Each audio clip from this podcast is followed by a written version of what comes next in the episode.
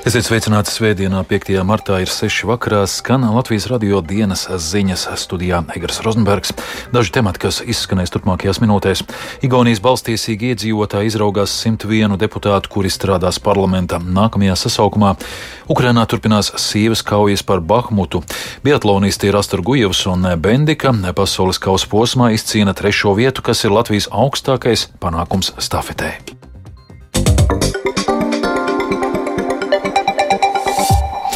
Igaunijā šodien notiek parlamentā Rīgi Kogu vēlēšanas, kurās pilsoņi izraugās 101 likumdevēju.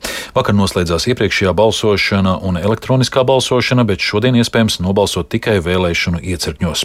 Par to, kāda līdz šim bijusi Igaunijas pilsoņu aktivitāte vēlēšanās, gatavs pastāstīt kolēģis Uldis Česberis, kurš pat labi atrodas Igaunijas pilsētā Tartu. Sveiks, Uldi! Sveicināti! Cik tad aktīvi līdz šim brīdim ir bijuši Igaunijas balstiesīgi iedzīvotāji, pildot pilsoņu pienākumu iet vēlēt? Jā, Igaunijas Nacionālā vēlēšana komisija ziņo, ka līdz šim vēlēšanās ir piedalījušies vismaz 597 tūkstoši, jeb 61,9% balstiesīgo pilsoņu. Un salīdzinājumam iepriekšējās parlamenta vēlēšanās pirms četriem gadiem piedalījās 63,7% balstiesīgo, un tāpēc saglabājas intriga vai šoreiz aktivitāte būs eh, lielāka. Eh, kā jau minēju, tad vakar noslēdzās elektroniskā balsošana, un tajā piedalījās vairāk nekā 313 tūkstoši cilvēku, kas ir rekordliels skaits, un iepriekšējais rekords bija 247 tūkstoši e-balsotāju, kas eh, tika uzstādīts 2019. gada vēlēšanās. Kāds ir vēlētāju noskaņojums Tartu? Jā, nu, atšķirībā no Latvijas, Igaunijā arī oficiālajā vēlēšana dienā politiskās partijas drīkst aģitēt, un eh, šodien eh, Tartu centrā manīju eh, vairāku partiju teltis, pie kurām dalīja partiju programmas, suvenīrus un arī kādus kārumus, un pie viena no Tartu vēlēšanu iecirkņiem uzrunāju cilvēkus un jautāju viņiem, kāpēc tad ir svarīgi piedalīties vēlēšanās un Eh, vai viņi sagaida pārmaiņas Igaunijā, un eh, turpinājumā paklausīsimies dažas no atbildēm. Pretējā gadījumā izlem citi cilvēki, un tad jūs nevarat nākamos četrus gadus sūdzēties par vēlēšanu rezultātiem. Manuprāt, tā ir mūsu iespēja dot savu ieguldījumu sabiedrības kopējam labumam. Daudzi cilvēki cer, ka pēc vēlēšanām pie varas nāks liberāla koalīcija, bet ir grūti prognozēt rezultātus, jo konkurence ir ļoti sīva. Pēdējās aptaujas liecināja, ka atbalsts liberālajiem spēkiem un konservatīviem konservatīvajiem spēkiem bija aptuveni 50 pret 50. Tāpēc katra nodotā balss ir svarīga. Nu, es saprotu, ka vajag balsot. Ja visi domās, ka viņu balss neko nenozīmē, tad nekādas pārmaiņas nenotiks. Bet es nezinu, vai būs kādas lielas pārmaiņas pēc vēlēšanām. Igaunija ir maza valsts, te gandrīz nekad nekas nemainās. Bet esmu pret tiem ekstrēmistiem, Igaunijas konservatīvo tautas partiju. Es negribu, lai viņi uzvar tāpēc, ka viņi runā ļoti dīvainas lietas, un es tam nepiekrītu. In, in Iespējams, ka parlamentā būs vairāk jaunu cilvēku un arī vairāk sieviešu, kas ir lieliski. Uldi. Jā, un vien piebildīšu, ka vēlēšanu iecirkņi strādās līdz eh, pulksten astoņiem, bet eh, drīz pēc tam vajadzētu parādīties jau arī pirmajiem vēlēšanu rezultātiem. Paldies! Sazinājāmies ar kolēģi Uldi Česberi, kurš atrodas Igaunijas pilsētā Tartu un informēja par parlamentu vēlēšanu norisi Igaunijā. Kaimiņos Lietuvā šodien notiek pašvaldību vēlēšanas, kurās izraugās pašvaldību padomju deputātus un mērus. 60 pašvaldībās 2,4 miljonu balstiesīgo Lietuvas iedzīvotāju izvēlē piedāvāti 467 kandidātu saraksti. Pašvaldību padomju deputātus ievēluši četriem gadiem. Savus kandidātus varēja izvirzīt partijas vai sabiedriskās vēlēšanu komitejas, bet pilsoņi varēja varēja izvirzīt savu kandidatūru paši, ja atbilstoši likumam ir reģistrēti kā politiskās kampaņas dalībnieki. Krievijas spēki turpina mēģinājums aplenkt Bahmutas pilsētu Ukrainas austrumos. Ukrainas amatpersonas ziņo, ka aizvadītās diennakts laikā atvairīti 130 Krievijas armijas uzbrukumi Bahmutas apkaimē.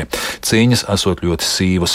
Savukārt bijušais ASV prezidents Donalds Trumps brīvdienās nācis klajā ar asu kritiku par ASV palīdzību Ukrainai un pavēstījis, ka tikai viņa spēkos ir novērst Trešo pasaules karu. Turpina mūsu Briseles korespondents Arķums Konohaus. Krievijas privātās militārās kompānijas Wagnera vadītājs Jevgenijs Prigožins sociālajos mēdījos apgalvo, ka viņa vadīties spēki gandrīz pilnībā kontrolē Bahmutas pilsētu. Turpretī Ukrainas armija to noliedz un saka, ka kaut arī situācija ir sarežģīta, viņa turpina kontrolēt pilsētu. Lai gan Bahmuta ir gandrīz pilnībā sagrauta, šai pilsētai ir simboliska nozīme, un ap to šobrīd notiek sīvākās cīņas Ukrainas austrumos. Pēc gandrīz 20 gadu diskusijām pasaules valstis beidzot vienojušās par pasaules okeānu aizsardzību. Sesdienas naktī ANO galvenajā mītnē Ņujorkā panākt vienošanās par 30% pasaules okeānu aizsardzību no piesārņojuma, pārlieku intensīvas zvejniecības un kuģošanas. Tā ir pirmā šāda veida vienošanās aptuveni 40 gadu laikā.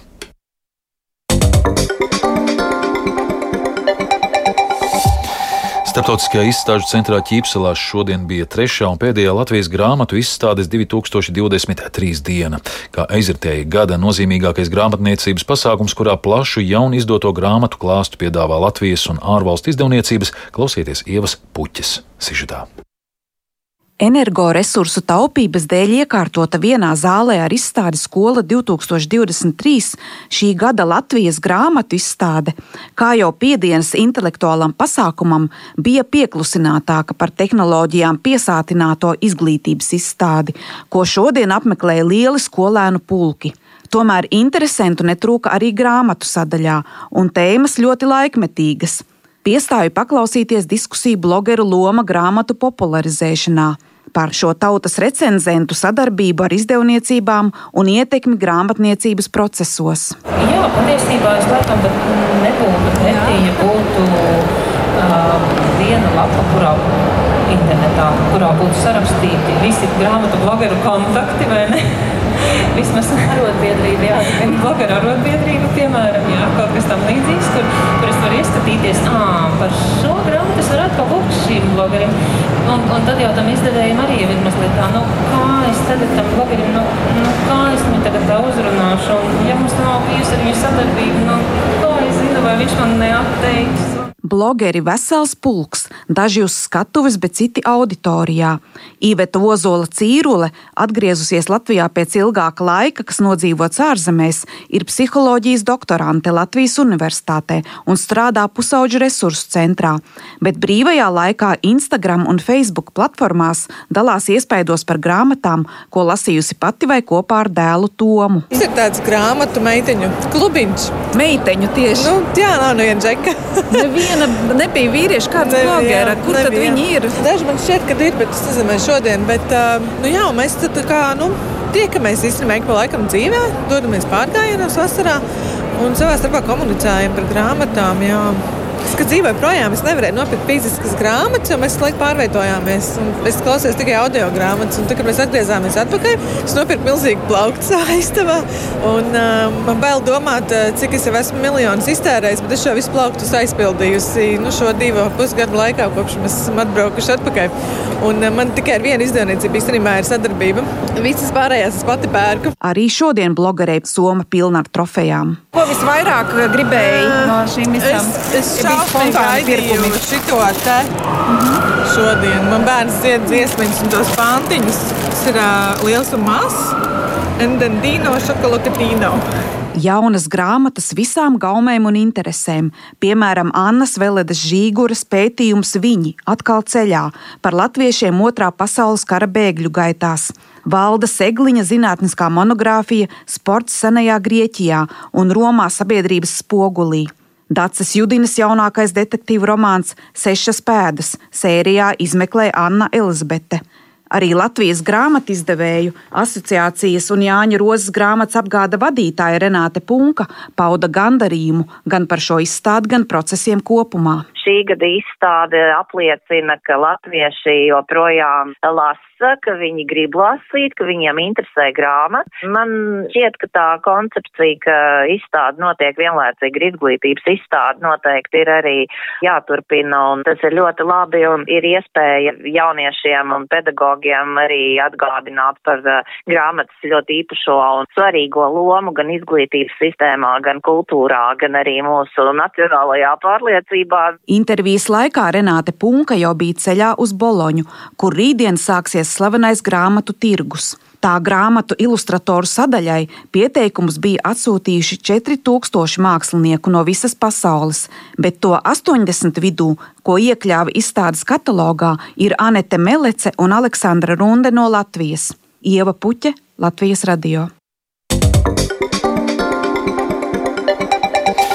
Vēsturisku panākumu Biatlonā šodien sasnieguši Andrejs Rastargujevs un Baiba Bendika, kuri pasaules kausa posmā Čehijā jauktajā pāru stafetē izcīnījuši bronzas medaļu. Latvijas duets izmantoja deviņas rezerves patronas, tomēr iztika bez soda apļiem. Uzvaru izcīnīja Norvēģija, no kuras latvieši atpalika tikai par divu. Atvainojos par 29,5 sekundēm, bet līdz otrajā vietā Šveicē pietrūka mazāk nekā 12 sekundes. Šis ir visu laiku labākais panākums šajā disciplīnā Latvijas biatlona vēsturē. Tikmēr Latvijas hokeja virslīgās šodien noskaidrojusies pirmā pusfināliste par to kļūsi Rīgas prizma, kas arī trešajā spēlē go virsroku pār gados jauno hokeja skolu Rīga. Plašāk par spēli Reņa Grunsbeņķa ierakstā. Pirms izslēgšanas spēlēm Prismas un HS Rīga dueli prognozēja kā sīvāko no visiem. To apliecināja arī spēles gaita laukumā. Tomēr pirmā pusfināliste tika noskaidrota tieši šajā sērijā, Prismai uzvarot visos trīs mačos. Pirmā trešdaļa šodienas spēlē aizritēja ar aktīvāku Prismas uzbrukumu, kas atmaksājās 13. minūtē, kad precīzi meta Prismas uzbrucējs Everts Ozols. Otrā perioda sākumā pēc uzvarēta iemetiena un lieliskas saspēles rezultātu izdevās izlīdzināt 17 gadus vecajam Kristaram Ansonam. Pēc zaudētajiem vārtiem Prismas komanda nopelnīja daudz noraidījumu, spēles iniciatīvu pārņemot jaunajiem rīdziniekiem. Viņiem bija vairāki lieliski momenti, lai pārņemtu vadību, tomēr teicami vārtos darbojās regulārās sezonas labākais vārtu vīrs Jānis Auziņš.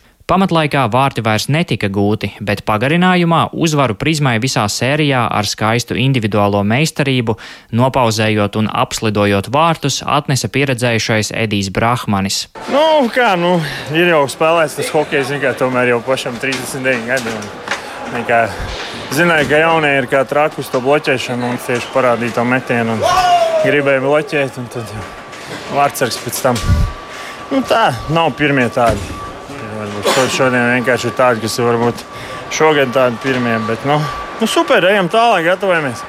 Nu, sērijā, nu, protams, bija grūti un jaunie skrien un ņemās man. man Personīgi savos 39. tur bija līdzi viņiem tikt ir kaut kur, bet, nu, mēlē mēģina gudrāk ar galvu kaut kur un viegli nebija.